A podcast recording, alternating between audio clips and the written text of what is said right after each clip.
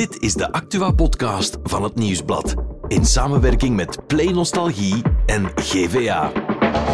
Het is maandag 9 oktober en er is maar één belangrijk punt in het nieuws: de oorlog in Israël. Al drie dagen lang is de wereld overrompeld door de aanval van Hamas.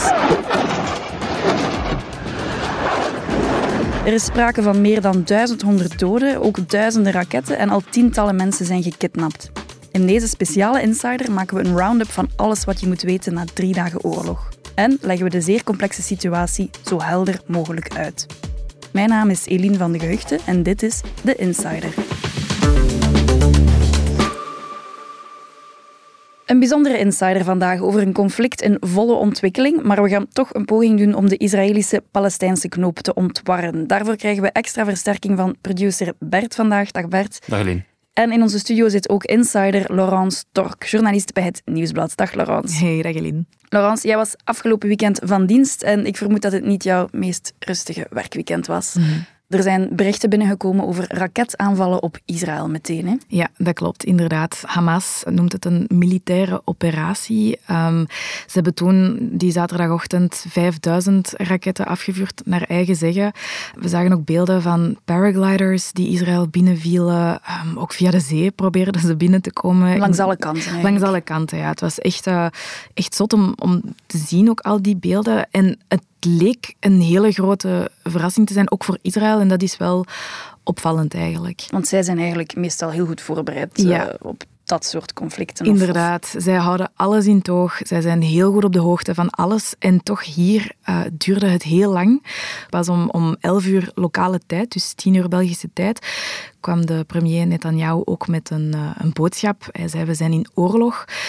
In ja, die tussentijd zagen wij hier in het Westen dan heel veel beelden binnenkomen van wat er daar gaande was. Um, dat wekt de suggestie wel dat zij heel goed voorbereid waren. Ja, inderdaad. Ja, we horen hier al allerlei termen vallen natuurlijk. Hamas, het conflict Israël-Palestina, dat is ook al lang aan de gang. Bert, jij als geschiedeniskenner, kan je voor onze luisteraars even kort schetsen, als dat überhaupt mogelijk is, ja, wat het allemaal juist inhoudt. Ja, kort is een uh, hele uitdaging in dit geval.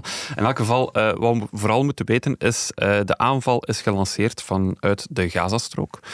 de Gazastrook is eigenlijk een um, heel kleine, dichtbevolkte strook langs de kust van Israël. Um, die is 40 kilometer lang. Um, dat is eigenlijk een afstand pakweg van Oostende tot de Pannen bij ja, ons. Ter vergelijking, onze kustlijn die is 60 kilometer ja, lang inderdaad. Ongeveer. Ja, dus pak daar een deel van en uh, ga ook 12 kilometer inlands tot pakweg Diksmuiden. Mhm. Mm -hmm. En dan staat daar zo een heel groot hek helemaal langs die Gazastrook.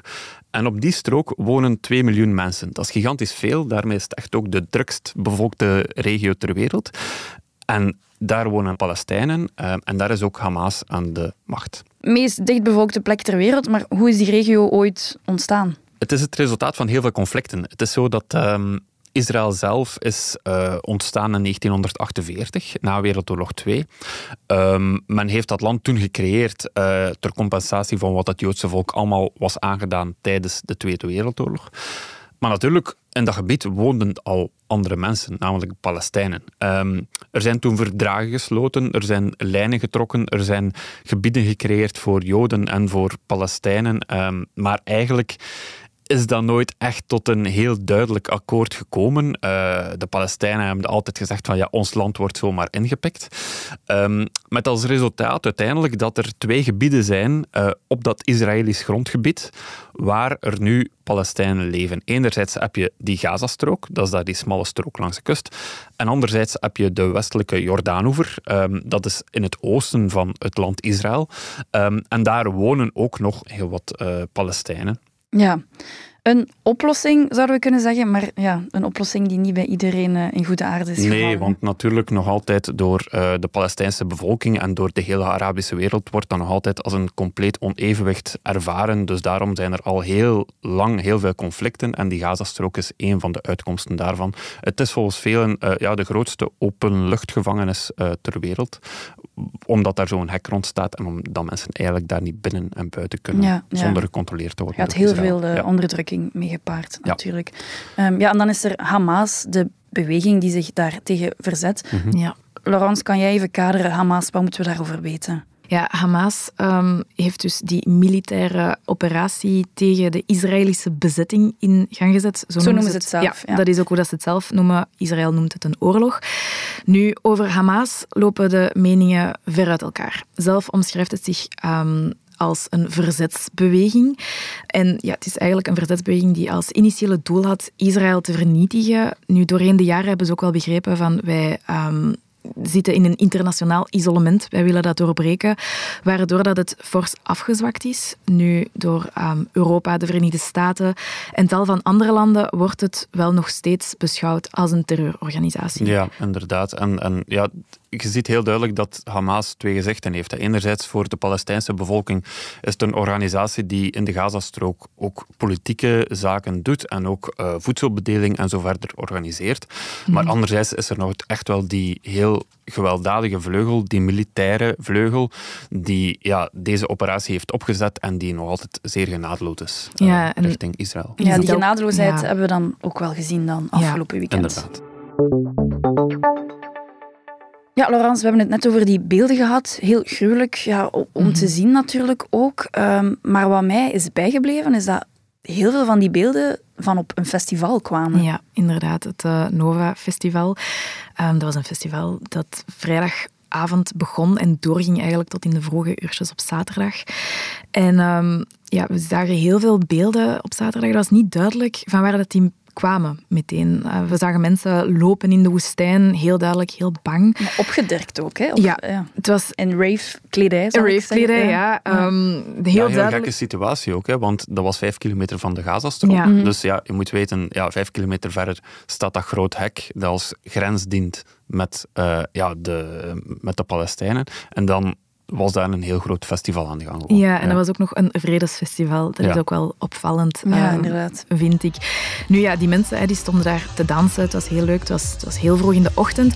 Maar dan ja, zag je beelden op, op, uh, op sociale media verschijnen van mensen die aan het dansen waren. En op de achtergrond paragliders die neerdwarrelen. En toen is de hel ook losgebroken.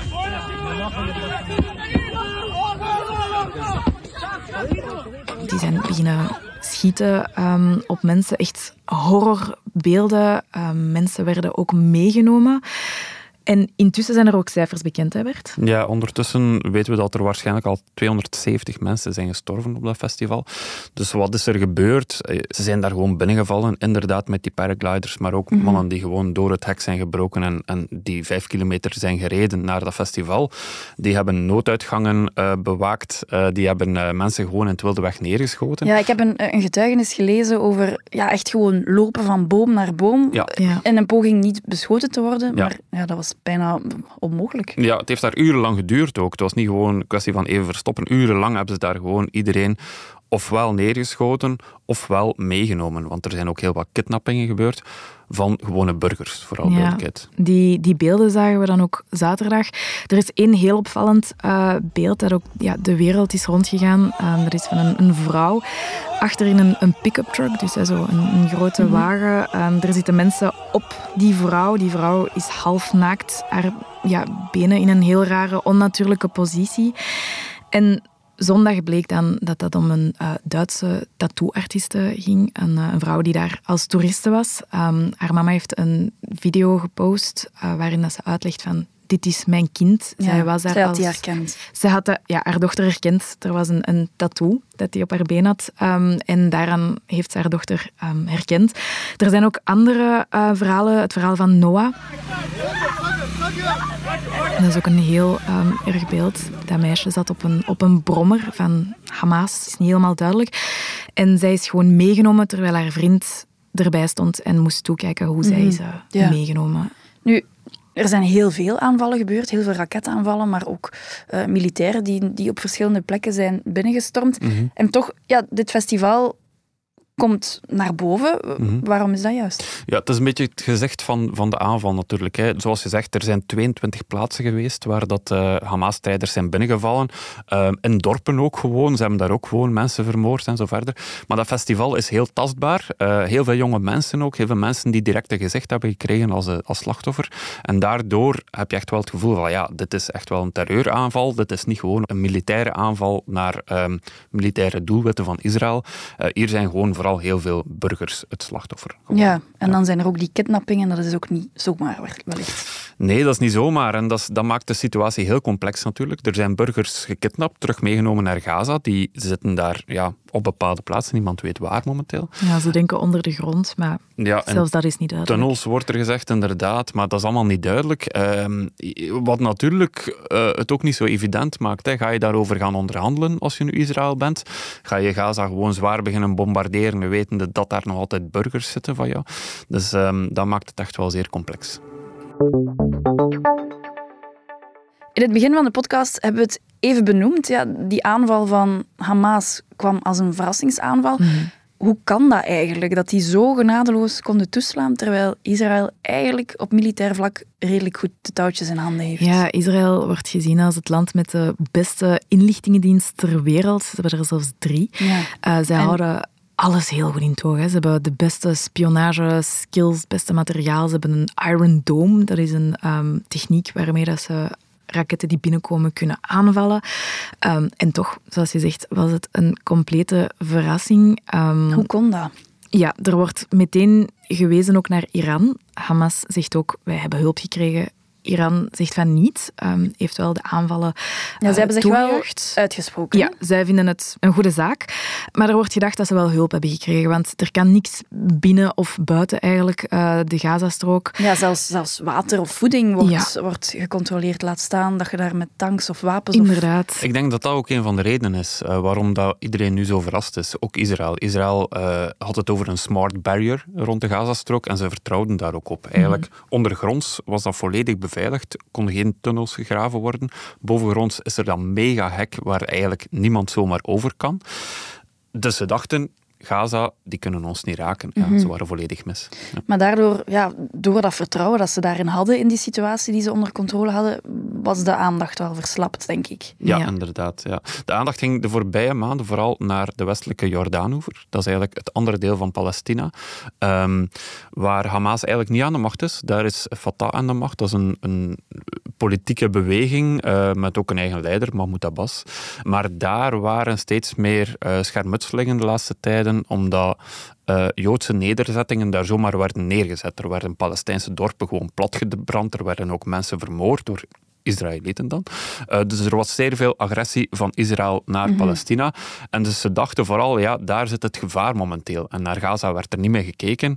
En ja, onder de radar heeft Hamas die gigantische operatie opgezet. En dat is net die, die agressie die ervoor heeft gezorgd eigenlijk dat Hamas dacht, wij moeten hier iets aan doen. We kunnen het eigenlijk niet meer zo laten. Het is al jaren hetzelfde. Ja, die klinkt eigenlijk een beetje als een, een wraakactie.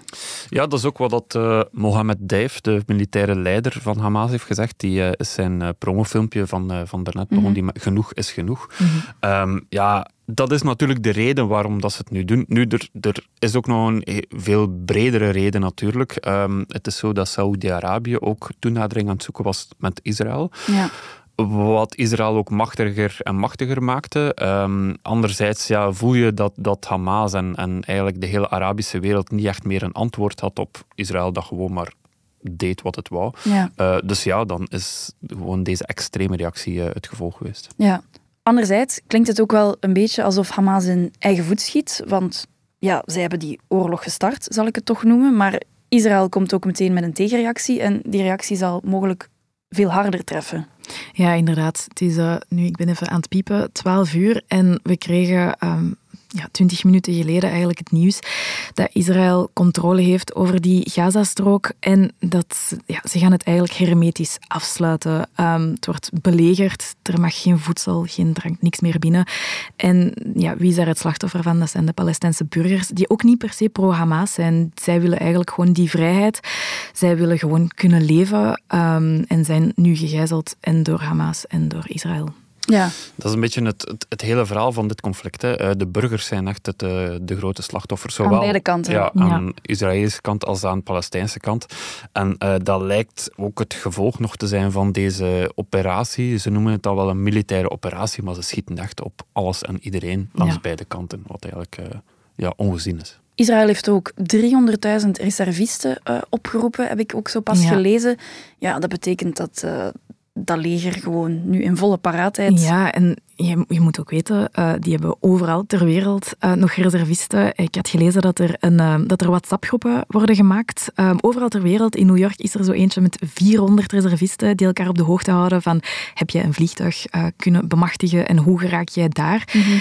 Israël heeft een gigantisch groot leger, netwerk. Ja. netwerk um, dus dat wordt heel intens. Tegelijk is het wel een moeilijke situatie voor Israël, want ze vechten niet alleen tegen Hamas. Nu, nu is dat natuurlijk de focus, maar zoals gezegd, uh, er is nog het andere deel van Palestina, uh, de, de Westbank. En er is boven hen, in het noorden, ligt ook nog Libanon. Daar is de Hezbollah aan de macht. En Hezbollah zijn eigenlijk partners van Hamas. Dus op het moment dat de Hezbollah zich ook gaat moeien, moet Israël een strijd beginnen voeren op verschillende fronten. Ja, dan is het langs alle kanten. Ja, en dat maakt het nu heel moeilijk. Ze moeten wel iets doen om te reageren natuurlijk, maar ze moeten tegelijk ook ja, een beetje afwegen van hoe ver gaan we. Ja, Israël heeft de oorlogstoestand intussen uitgeroepen. Maar ja, vraag is nu ook hoe de rest van de wereld gaat reageren op de grote Hamas-invasie. Uh, veel wereldleiders die hebben zich al uitgesproken ja. tegen de oorlog, ja, tegen alle vormen van geweld. Maar blijft niet enkel bij woorden, hè, Laurence? Nee, inderdaad. Zaterdag kwamen eigenlijk heel snel die berichten binnen van verschillende wereldleiders uh, in Europa, uh, maar ook uh, aan, ja. in het Midden-Oosten. Onze premier ook trouwens. Onze premier ook. Um, en meteen was het heel duidelijk, wij steunen Israël of het Israëlische volk. That the United States stands with Israel. We will not ever fail to have their back. We'll make sure that they have the help their citizens need and they can continue to defend themselves. De Verenigde Staten, zij betuigen ook hun steun, maar zij gaan ook dingen opsturen. Dat gaat dan over munitie, um, maar ook over F-15's en F-35's. Dat zijn um, ja, vliegtuigen. Ja. Um, een vliegdekschip ook, dat ja. naar een Middellandse Zee wordt gestuurd. Dus ja, dat is ook wel echt wel aanwezigheid dicht bij die Gazastrook. Oké, okay, ja, dus veel reacties, veel beloftes gemaakt. De States, die schiet direct in actie. Mm -hmm. Waarom is dat eigenlijk dat Amerika zo involved is met Israël? Ja, dat is een historische partnerschap natuurlijk. Um, het is zo dat er een heel grote Joodse gemeenschap is in, uh, in de VS. Dus ja, die hebben echt wel een heel nauwe band. En dat is ook altijd een beetje de reddingsboei geweest van Israël. Hè. Uh, ze, kunnen, uh, ze zitten eigenlijk volledig omgeven door Arabische vijanden, kan je zeggen geografisch. Maar ze hebben wel Amerika als de grote broer die altijd kan tussenkomen op het moment dat het echt brandt. En dat is wat er nu ook aan het gebeuren is. Ja, ja okay. En het, het, Westen natuurlijk ook, Europa, ja. is ook uh, ja, altijd heel belangrijk geweest. Dan denk ik aan het Verenigd Koninkrijk, mm. Frankrijk. Um, maar dan heb je ook aan de andere kant natuurlijk, Hamas krijgt ook steun. Ja, welke spelers gaan hier inderdaad nog, nog een rol in spelen? Want we hebben ook Iran al benoemd ja. als leverancier van wapens, ook al gaan ze dat niet meteen bevestigen. Mm maar... Ja, Hamas heeft inderdaad gezegd van wij hebben hulp gekregen. Iran houdt nu nog wat de boot af, uh, bevestigt dat niet officieel. Maar het is wel de, de belangrijkste partner natuurlijk van Hamas. Het is ook zo dat wij, wij bekijken altijd vanuit uh, een westerse blik. Um, maar het is ook zo, wij erkennen Palestina eigenlijk niet echt als staat. Um, terwijl een heel groot deel van de wereld wel. Hè. Uh, alles wat aan de rechterkant ligt van, van Israël op de kaart, doet dat wel. Ook um, ja, alle Arabische landen in Noord-Afrika doen dat. Um, Waardoor dat je natuurlijk, ja, dat is een beetje het conflict van het oosten tegen het westen ook. Mm -hmm. um, uh, en daarom kijkt iedereen daar nu met grote argusogen naar, van oei, oei, wat gaat er gebeuren? Dit gaat toch niet ja. verder uit. En daarom ja. zullen veel spelers ook een afwachtende ja. positie in Ja, voilà. En ja, een belangrijke speler is ook nog Egypte. Uh, die liggen eigenlijk, ja, die, Naast die grenzen de, ook met, ja, ja, naast de, de Gazastrook. Ja, ja, daar staat ook een hek tussen Egypte en de Gazastrook. Um, zij treden heel vaak op als be bemiddelaar in dit soort situaties. Um, en ja, ze hebben nu ook al gezegd van ja, eigenlijk hadden we Israël ook gewaarschuwd. Mm -hmm. um, we hadden gezegd, er zit iets groots aan te komen. Wat, weten we niet helemaal. Maar ze zeggen, Israël heeft daar vrij arrogant op gereageerd en nooit echt iets okay. mee. Dus ja. de Egyptische inlichtingdiensten waren dan beter Wel op de hoogte. Ja, inderdaad. Oké, okay, ja, duidelijk. Dit alles klinkt een beetje alsof we nog maar in een eerste fase zitten van ja. steeds langer durend conflict. Ik weet ja. niet hoe jullie er naar kijken. Enig idee, experten die iets vertellen over hoe lang dit gaat duren? Het is heel dubbel. Hè. Sommigen um, zeggen van er moet naar een oplossing worden gezocht. Egypte uh, bemiddelt daar ook in. Maar ja, het is een, een conflict van, van jaren, decennia. Er is nooit een oplossing voor gevonden Wie gaat het dan deze keer wel vinden? Ja, ja, je voelt dat het enorm is geëscaleerd door dat extreem geweld van ha dat Hamas nu gebruikt heeft. Ja, Israël gaat niet zomaar zeggen, oké, dan gaan we nu gaan onderhandelen. Het is echt wel vertrokken voor nog meer geweld, dat is heel duidelijk. Ja. Oké. Dank jullie wel, Laurence en Bert, voor de expertise. Het was heel helder. Ik hoop dat onze luisteraars er ook iets aan hebben. En wij gaan hier ongetwijfeld ook nog ja, veel over schrijven, veel over vertellen. Dank jullie wel. Graag gedaan. Vandaag uitzonderlijk geen ander nieuws meer. Uh, deze Insider was denk ik al genoeg voor vandaag. Morgen zijn we er opnieuw met een nieuwe Insider.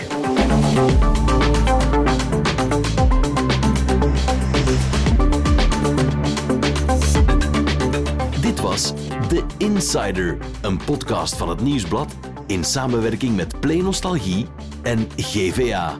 De muziek is van Pieter Santens. De montage gebeurde door House of Media. Wil je reageren? Mail naar podcast.nieuwsblad.be.